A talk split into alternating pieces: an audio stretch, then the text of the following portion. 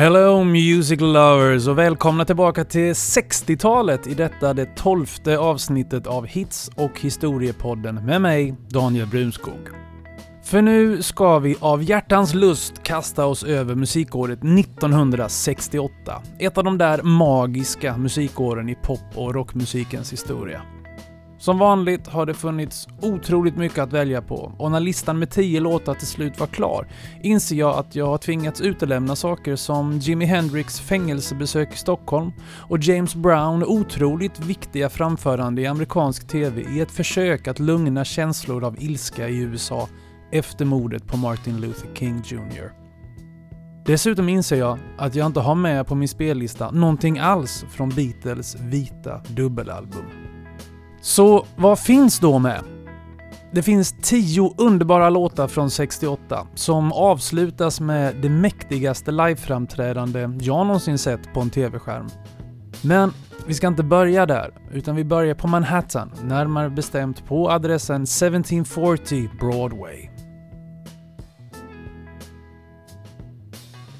Bandet The Echoes bildades 1959 i den lilla staden Niles i Michigan och utvecklades sedan till Tom and the Tornadoes med 12-årige Tommy James som sångare. Medan han gick på Niles Public High School släppte gruppen sin första singel, Long Ponytail 62.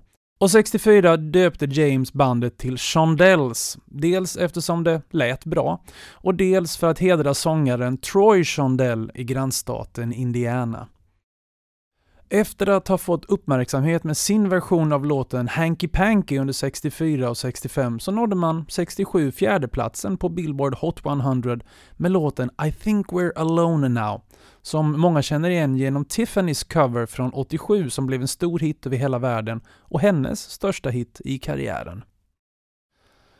I think we're alone now hade skrivits av låtskrivaren och halvframgångsrika artisten Richie Cordell och tillsammans med bland annat honom skrev Tommy James sin stora hit Money Money. Idén var att göra en sån där partylåt alla sent 50-tal, tidigt 60-tal med maffiga trummor och trallvänlig, meningslös text. Låtens musikaliska struktur var klar långt innan texten och Tommy slet tillsammans med Cordell för att hitta det där tvåstaviga ord som behövdes. Man sökte efter något catchy som Sloopy i hitlåten Hang On Sloopy från 64, men allt man hittade på lät bara fånigt. Frustrerad och nära att kasta in handduken gick Tommy ut på balkongen till sin lägenhet på 8th Avenue i New York där man satt och jobbade för att få lite luft. Ögonen fastnade på närliggande skyskrapan The Mutual of New York som hade sina initialer i stora röda neonbokstäver uppe vid byggnadens topp. M-O-N-Y. Moni. Och där var titeln mitt framför ögonen på dem. Låten nådde en tredje plats på Billboard Hot 100 och första platsen på UK Top 40 och blev därmed bandets största hit. Mängder med artister och band har spelat in coverversioner av låten, där Billy Idols liveversion från 87 blev den mest framgångsrika, då den övertog första platsen på Billboard Hot 100 i oktober 87. Låten Money Money petade då ner från första platsen Tiffany's I think we're alone now alltså också en cover på Tommy James and the Shondells. Ett gott, om än lite senkommet betyg för 60-talssuccén från den lilla staden Niles, Michigan.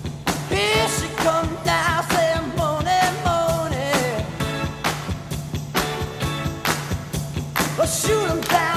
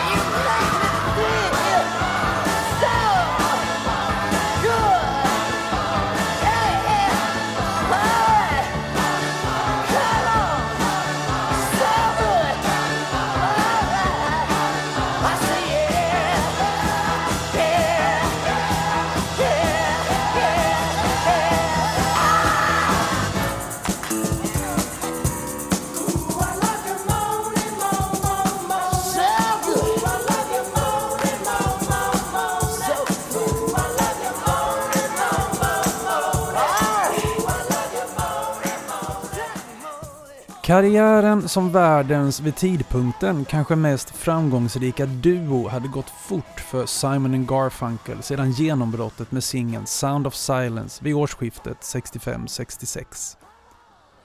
Låten hade följts upp med singelframgångar för Homeward Bound, I'm a Rock och Scarborough Fair, där den sistnämnda dykt upp i ett tidigare avsnitt i den här poddserien.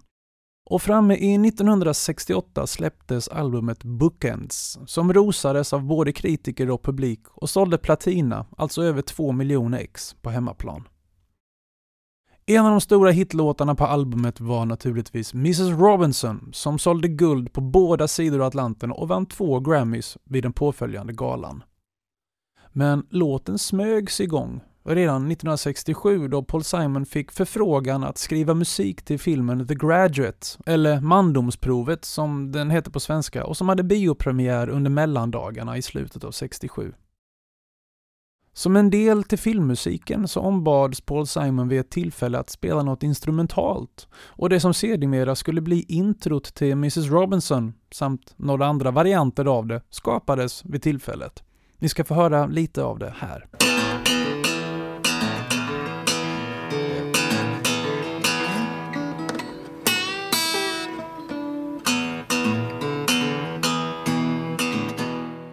Man beslutade sig dock för att inte använda just den här gitarrfiguren, men refrängen fanns och den användes samt det här textlösa nynnandet.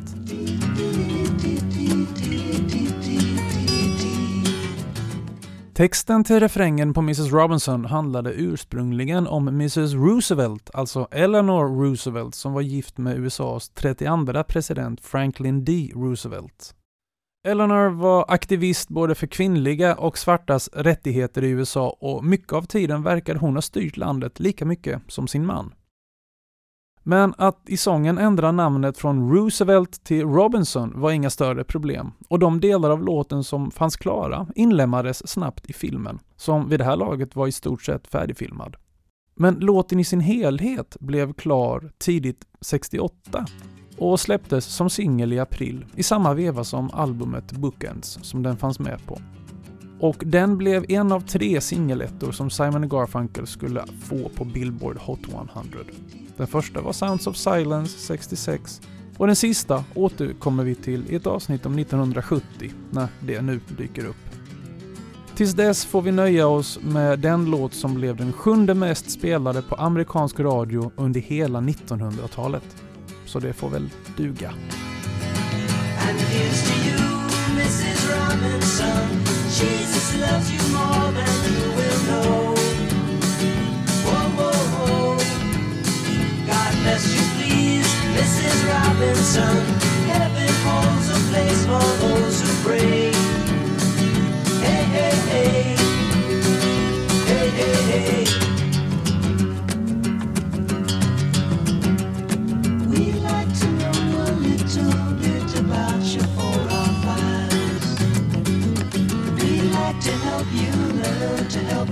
yourself. Look around you, all you see are sympathetic eyes. Stroll around the grounds until you feel at home. And here's to you, Mrs. Robinson. Jesus loves you more than you will know. Whoa, whoa, whoa. God bless you, please, Mrs. Robinson. Heaven holds a place for those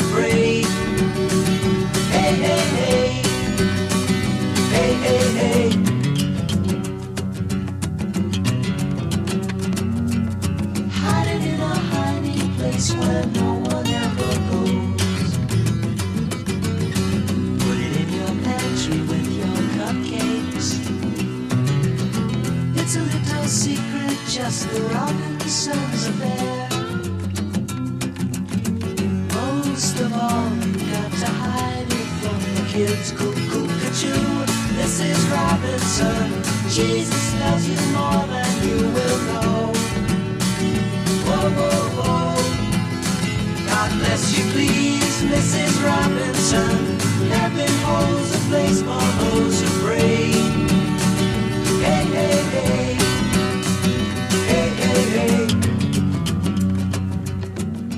Ju äldre jag blir och ju mer musik som tar plats i mitt musikbibliotek, desto mer sällan hör jag något som för mig är nytt och där nackhåren av en eller annan anledning reser sig. Det härliga är att det kan vara olika saker. En textrad som i öppningsfrasen till Paul Simons låt “Have a good time” eller instrumentering som fuzzbasen som Paul McCartney spelar i låten “Think for yourself” eller helt enkelt något odefinierbart. Och det är bara någonting som är magiskt bra med nästa låt, Temptations-låten Cloud 9. I slutet av 67 och början av 68 så hade det psykedeliska rockbandet Sly and the Family Stone haft en hit med sin singel Dance to the Music. Och Otis Williams, som var en av medlemmarna i Motown-baserade gruppen Temptations, introducerade under 68 detta nya sound för producenten Norman Whitfield som hade börjat producera Temptations två år tidigare. Först ville Whitfield absolut inte producera någonting med ett så radikalt annorlunda sound än vad Temptations var förknippade med, men inom några veckor hade han tillsammans med Motown-artisten och låtskrivaren Barrett Strong skrivit ihop en ny singel till gruppen, nämligen ett psykedeliskt nummer som fick namnet Cloud 9.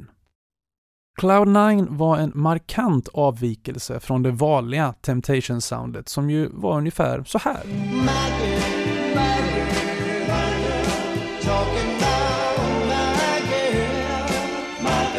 På Cloud9 var det istället wah-wah-gitarrer och ett hårdare drivande beat och istället för de där vanliga kärlekstemana som präglade Temptations texter så handlade den här om den fattiges kamp och smärta. Med Cloud9 så vann skivbolaget Motown faktiskt sin första Grammy för bästa Rhythm and Blues-framträdande och låten ledde vägen för Temptations satsning på psykedeliska låtar med allt mer sociopolitiska teman. Inklusive Papa was a Rolling Stone som man kom att spela in 1972. Blandningen av Motown-soundet och det psykedeliska inslaget kom att kallas psykedelisk soul och var otroligt poppis under ett par år i slutet av 60 och början av 70-talet men snart började temat kännas uttjatat och fasades ut från hitlistorna. Men vi har kvar ett antal pärlor, inte minst Cloud9. Childhood part of my life wasn't very pretty. You see, I was born and raised in the slums of a city. It was a one-room shack that slept ten other children beside me. We hardly had enough food or room to sleep. It was hard time. needed something to ease my trouble man. Listen, my father didn't know the meaning of work. Disrespected mama and treated us like dirt. I left home seeking a job that I never did find. Depressed and downhearted, I took the cloud nine. I'm doing fine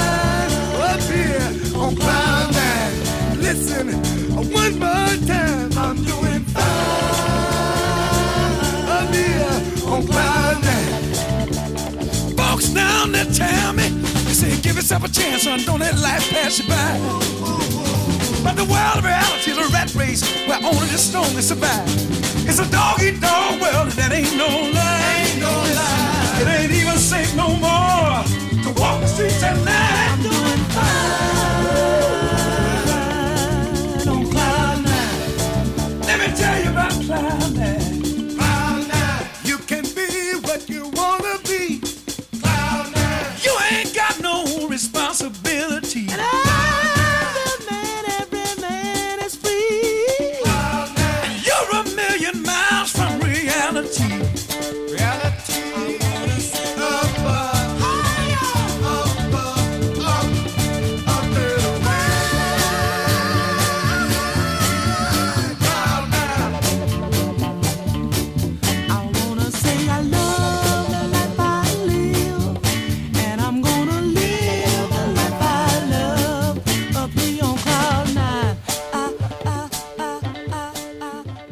Jag har sällan använt mig av coverversioner i Hits och historiepodden, men nästa låt är en cover, fast på sätt och vis ja, ändå inte.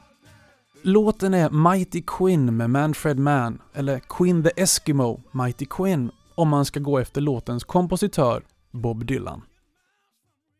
Låten är en av cirka hundra som skrevs av Bob Dylan under hans period med The Band i Det Rosa Huset sommaren 67, som jag pratade om i avsnittet om Woodstock för några veckor sedan.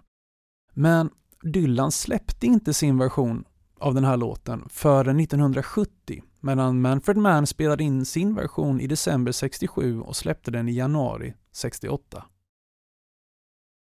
Gruppen Manfred Mann bildades i London 62 och tog sitt namn efter gruppens keyboardspelare som hette just så och tillsammans med trummisen Mike Hugg så utgjorde Mann en av gruppens två störtepelare som var med under hela bandets resa från start till mål 62 till 69.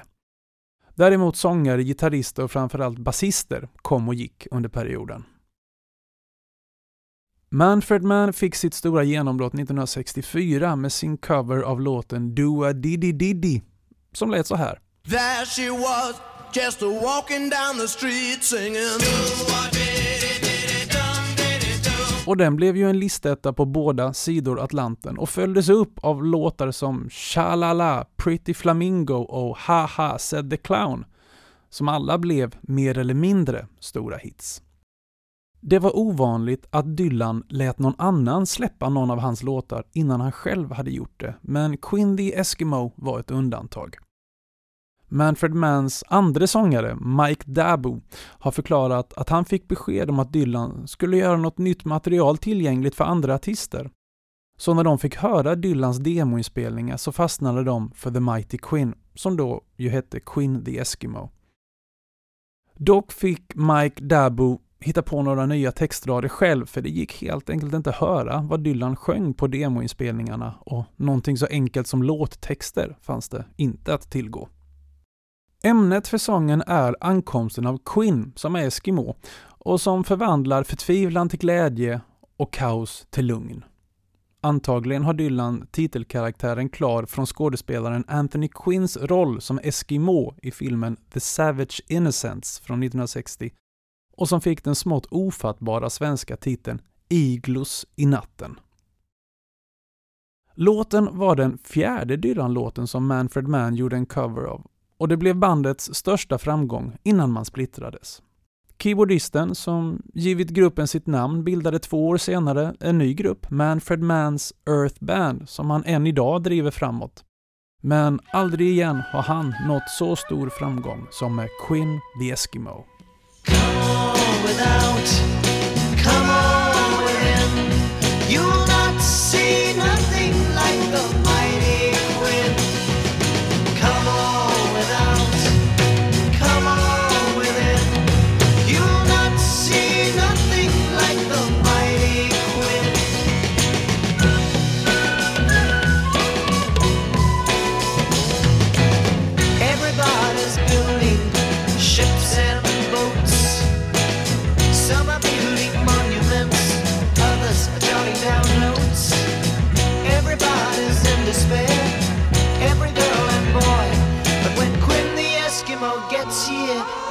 everybody's gonna jump for joy.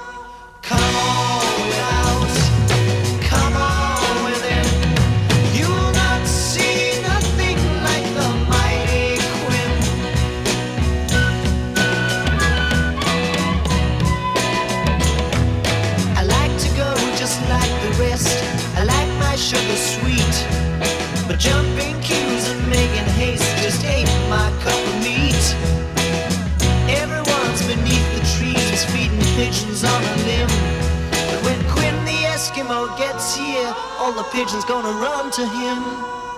Come on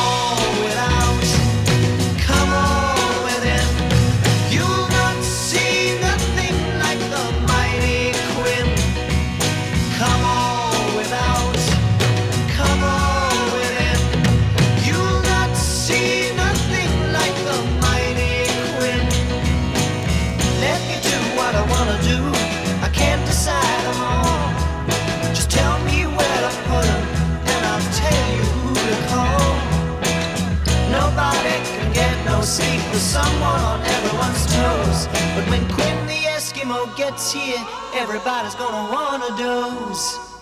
Come on without.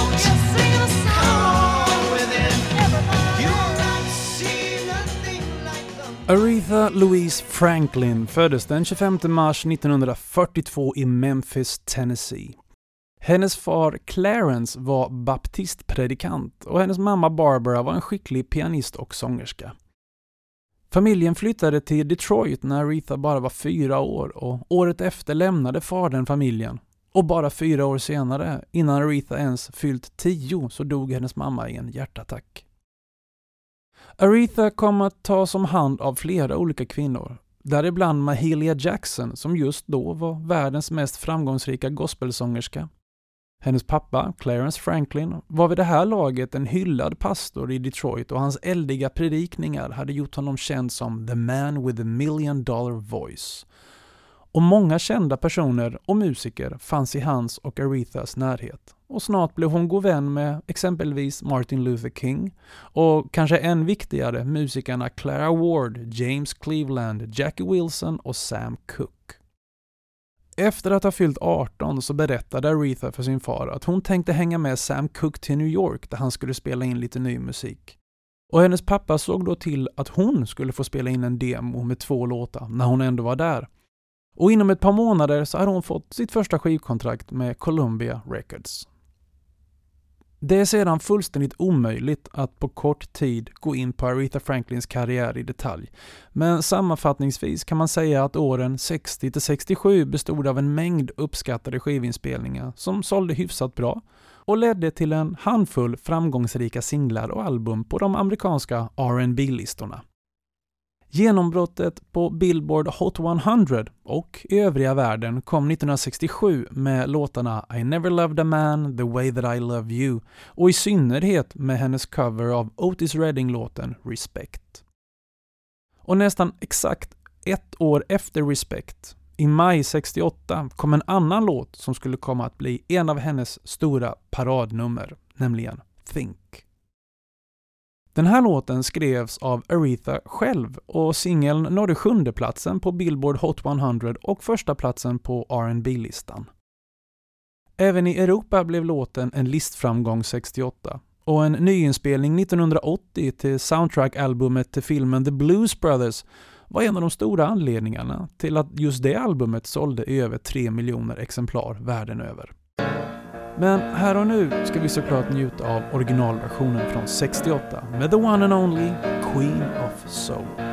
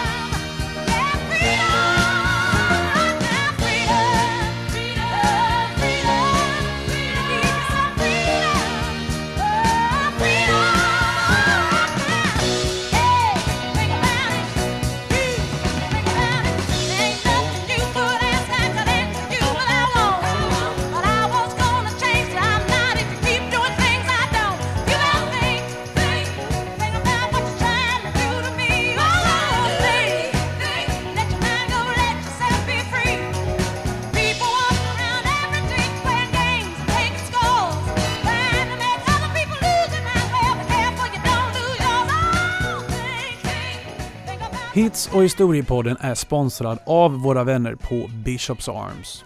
Det är ju mörka tider igen. Inte bara november med sitt traditionsenliga skitväder utan även med en omfattande andra våg av covid-19-pandemin.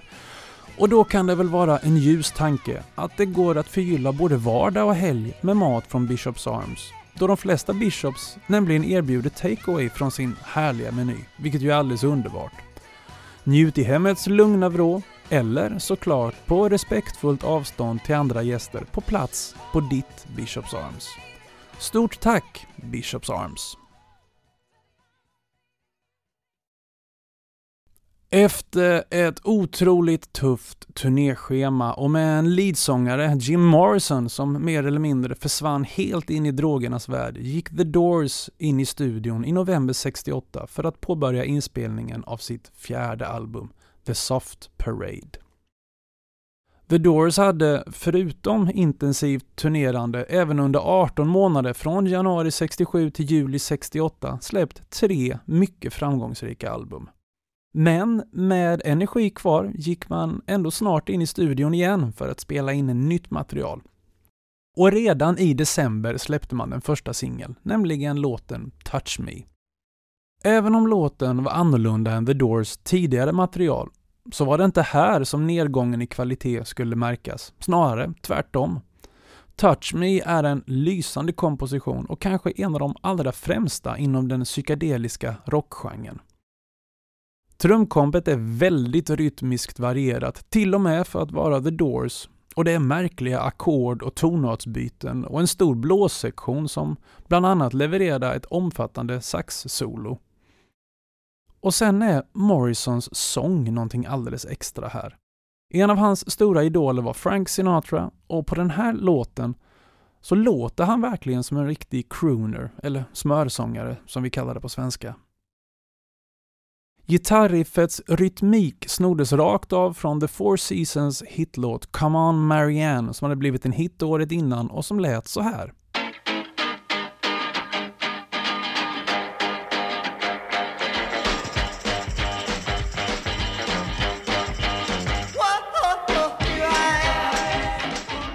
Det var också han, alltså gitarristen Robbie Krieger, som skrev låten och den kallades från början Hit Me och texten var från början Come on, hit me, I'm not afraid. Men i ett sällsynt ögonblick av återhållsamhet så insisterade Morrison på att ändra den Touch Me istället. Då han ja, var uppriktigt rädd att publiken på konserterna skulle ta originaltexten som en direkt uppmaning. Många kritiker hävdar att den här låten var en sellout eftersom blåssektionen inte var typiskt för The Doors och bandet medgav att de försökte bredda sin publik och uppnå kommersiell framgång på ett lite annat sätt. Vilket de också gjorde. Touch Me släpptes som singel i december 68 och sålde över en miljon exemplar, vilket gav den som bäst en tredjeplats på Billboard Hot 100 i februari 69. Det blev också bandets sista topp 10-placering på listan som band hade man ytterligare ett antal album och hitlåtar kvar att ge omvärlden innan Morrisons död 71 i princip även dödade bandet. Men det var här, 68, som The Doors stod på toppen av sin karriär. Come on, come on, come on, come on, now touch me babe Can't you see that I am not afraid What was that promise that tell me what she said? What was that promise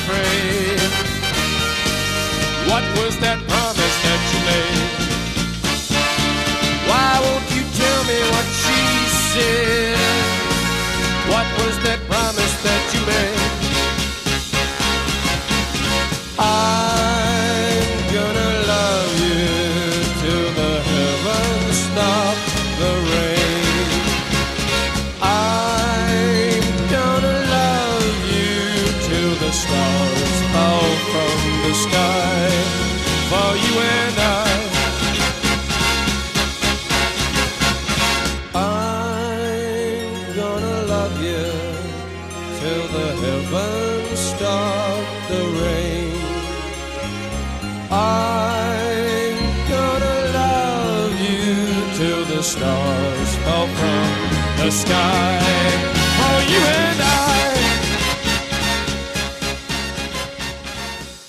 Otis Redding har dykt upp vid flera tillfällen i den här poddserien. Oftast bara i förbigående som en influens eller originalupphovsman till en låt som omnämnts eller som i avsnitt 4 som handlar om 1964 där vi hade med hans låt Mr Pitiful. Och nu är det dags igen för mannen som var den första att få epitetet The King of Soul, nämligen The Madman from Macon, The Big O, Rockhouse Redding eller helt enkelt bara Otis. Redding växte upp i Macon, Georgia och hoppade av high school vid 15 års ålder för att försörja sin familj då han blev en del av Little Richards kompband The Upsetters. 58 gick han med i Johnny Jenkins band The Pine Toppers med vilka han turnerade i de södra staterna både som sångare och chaufför. Ett oplanerat deltagande på en inspelningssession på skivbolaget Stax i Memphis, Tennessee ledde till ett skivkontrakt och hans första singel These Arms of Mine som kom 1962. Stax släppte sedan Reddings debutalbum Pain in My Heart 64 och från att ursprungligen bara ha skapat sig ett namn främst bland afroamerikaner nådde Redding successivt en bredare amerikansk publik vilket skedde främst genom att vita artister som till exempel Rolling Stones och Frank Sinatra gjorde coverversioner på hans låtar. Otis blev i april 66 en av de första svarta soulartister som uppträdde på den utpräglade rockscenen The Whiskey A Go-Go på Sunset Strip i Los Angeles. Och det slutliga genombrottet hos den vita publiken kom genom hans uppträdande på Monterey Pop Festival sommaren 67.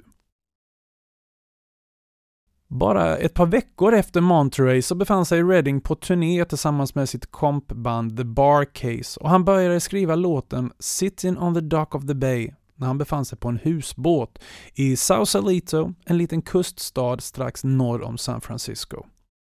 Tillsammans med Steve Cropper, som sedan starten hade varit en samarbetspartner vid låtskrivandet, färdigställde han sedan låten tillbaka i Memphis innan den spelades in den 22 november 67 med kompletterande tagningar i december. Tre dagar efter den sista inspelningsdagen av låten så var Redding den 10 december på väg till en spelning i Madison, Wisconsin då han omkom i en flygolycka tillsammans med fyra av medlemmarna i hans kompgrupp The Bar Case. Sitting on the Dock of the Bay mixades dock färdigt av Steve Cropper enligt Otis instruktioner och släpptes som singel i januari 68 och Sitting on the Dock of the Bay blev Otis Reddings enda singeletta på Billboard Hot 100. Sitting in the morning sun. I'll be sitting in the evening come Watching the ships roll Then I'll watch them roll away again. I'm sitting on the dock of the bay Watching the tide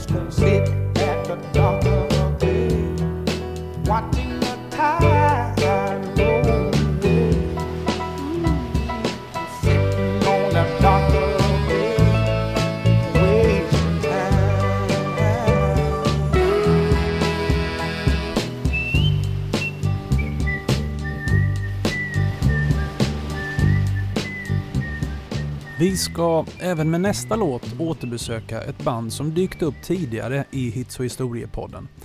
Men det är väldigt svårt för mig att plocka fram de tio bästa låtarna från 68 utan att ta med White Room av brittiska bandet Cream. Efter att ha bildats våren 66 fick man sin första listframgång i slutet av samma år med I Feel Free och det var väl ungefär där som vi lämnade bandet senast det begav sig. Debutalbumet följdes hösten 67 upp av albumet Disraeli Gears som blev en stor succé över hela världen. Det innehöll singlarna Strange Brew och Sunshine of Your Love, där framförallt den sistnämnda blev en hit på båda sidor Atlanten. Men det var framförallt som sammanhängande album med sitt numera klassiska psykedeliska skivomslag som framgången var störst och redan samma år påbörjades inspelningar till uppföljaren som kom att släppas i augusti 68 med namnet Wheels of Fire. Och det är från detta album som jag har plockat White Room. Låten var en av de första som bandet började jobba på inför det nya albumet och den spelades in i delar under flera olika tillfällen i december 67 samt februari, april och juni 68. Den inleds med sitt karaktäristiska intro som spelas i fem fjärdedels takt medan resten av låten sen spelas i vanlig rak fyra fjärdedels takt. Och musiken skrevs av bandets basist, tillika en av sångarna, Jack Bruce. Musiken påminner en hel del om låten Tales of Brave Ulysses som hade funnits med på det förra albumet. Och visst kan man skönja likheter i uppbyggnaden. Hör själva Tales först.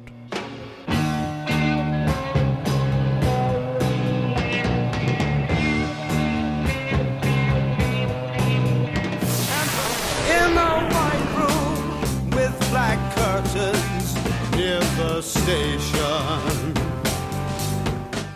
Texten till låten White Room skrevs av poeten Pete Brown som var en av Bruce vänner och som också hade bidragit med text till redan nämnda I Feel Free och Sunshine of Your Love.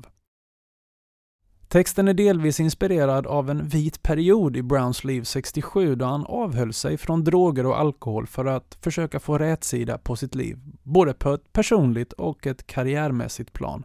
Och dels av det faktum att ett av rummen i Browns lägenhet var vitmålat. Under inspelningarna spelade Clapton sin sologitarr genom en wah-wah-pedal inspirerad av vännen Jimi Hendrix och låten blev, sett till helheten, gruppens största singelframgång under den korta karriären. Bandet släppte visserligen ett album till i februari 69 med den passande titeln Goodbye, men sen splittrades man, främst på grund av inre stridigheter mellan Bruce och trummisen Ginger Baker. Bandet återförenades en sista gång för tre bejublade spelningar på The Madison Square Garden i New York i oktober 2005, men sen var det slut för gott. Idag är Clapton den enda kvarvarande bandmedlemmen i livet, men dessbättre har han numera tagit för vana att inkludera låten White Room i de flesta av sina livekonserter. Och det, det räcker ganska långt. In a white room with black curtains near the station.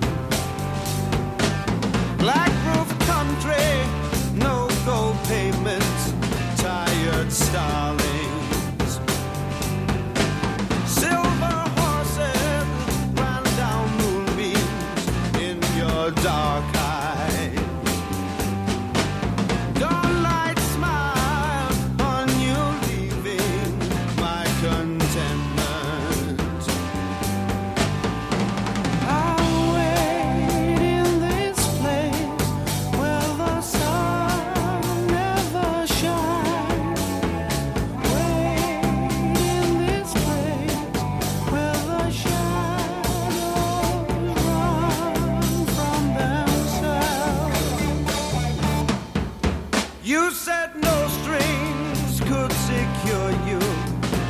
the station.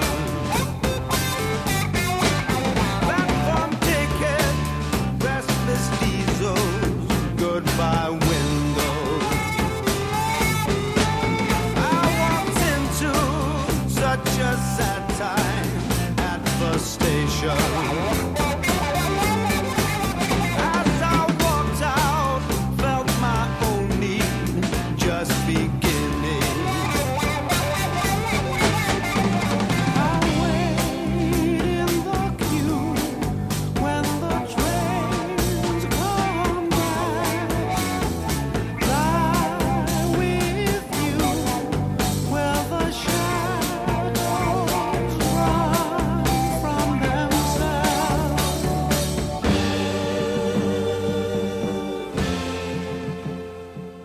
Foundations var något så udda som ett brittiskt soulband med Motown-sound.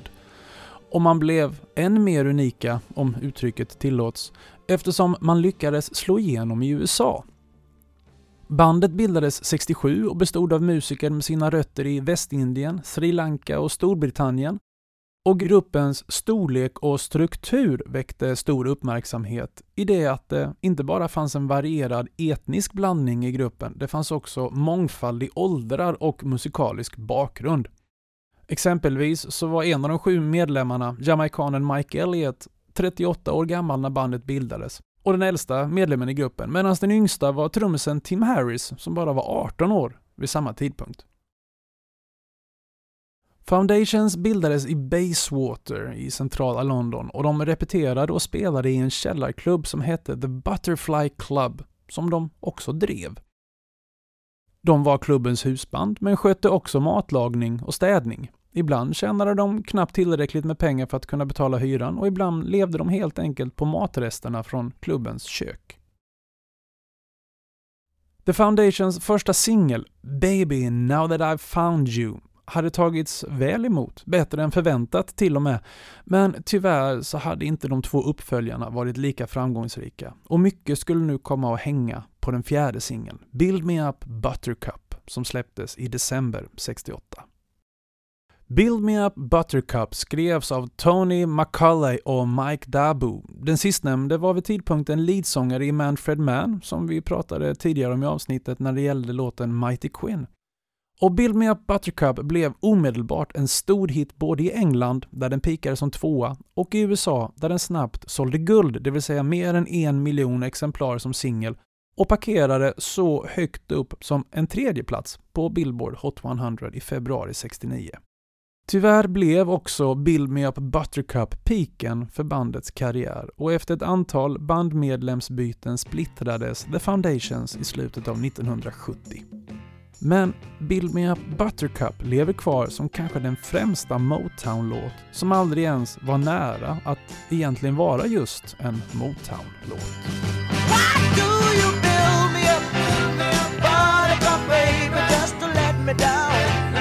Why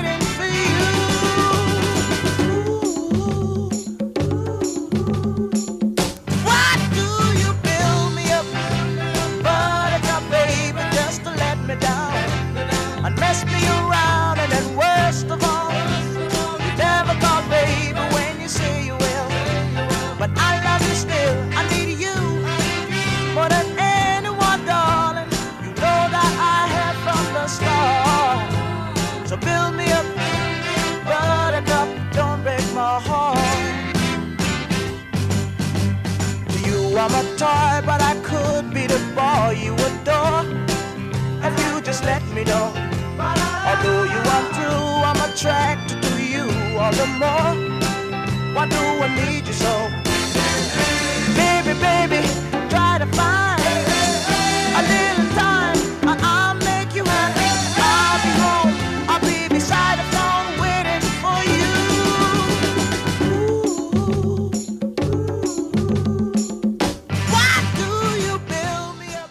Av de åtta singlarna som Elvis Presley släppte mellan januari 67 och maj 68 så var det ingen som placerade sig högre än plats 28 på Billboard Hot 100. Och soundtrack-albumet Speedway till filmen som just hade haft premiär landade på 82 plats på Billboards albumlista. Men Elvis manager, överste Parker, han hade redan skiftat fokus från film till TV, där Presley inte hade dykt upp sedan Frank Sinatra på ABC Television hade hostat en Välkommen hem från militärtjänstgöringen-show för Elvis 1960. Parker kom överens med TV-kanalen NBC att man skulle finansiera och sända en julspecial. Julspecialen, numera känd som The 68 Comeback Special, spelades in i slutet av juni och sändes den 3 december 68. Produktionen bestod av en omfattande nyinspelning av låten Guitar Man med tillhörande musikvideo. Två olika shower där Elvis satt ner med sina gamla musikervänner och spelade och pratade, samt en spelning där han står själv på den lilla scenen men kompas av ett stort band och kör som inte syns i bild. Mycket kan sägas och har redan sagts om den här fantastiska produktionen och inte minst scenerna med Elvis och det gamla bandet är ju rockmusikhistoria. Men jag har valt att fokusera på den enda helt nya låt som spelades in live och som avslutar hela showen, nämligen If I Can Dream. Låten spelades in bara två månader efter att Martin Luther King Jr hade skjutits till döds i Memphis, Tennessee, där Elvis själv bott i sitt hus Graceland sedan 1957. Och låten skrevs av Walter Earl Brown på beställning då man ville ha en annan avslutningslåt av showen än den där jullåten som man från början hade tänkt sig. När Elvis hörde demon av låten blev han helt tagen och lär ha sagt att han aldrig igen skulle sjunga en låt eller spela in en film som han inte trodde på. Och även om överste Parker inte tyckte att det var en Elvis-låt så testade Elvis den ändå och körsångerskorna sägs ha gråtit av känslorna som inspelningen framkallade. Låten spelades in i en studioversion som släpptes som singel och som pikade som tolva och som sålde över en miljon exemplar. Men jag har valt liveversionen från föreställningen, som är den mest känslofyllda sånginsats som jag någonsin har hört och sett. Och jag har svårt att tänka mig ett bättre avslut på det här poddavsnittet än med kungen av rock'n'roll, Elvis Presley. There must be lights burning brighter somewhere. Got to be birds flying higher in a sky more blue. If I can dream of a better land where all my brothers walk hand in hand, tell me why. Oh, why, oh, why can't my dream come true? Oh, why? There must be peace and understanding sometime. Strong winds of promise that will blow away the doubt and fear. If I can dream of a warmer sun where hope keeps shining on everyone, tell me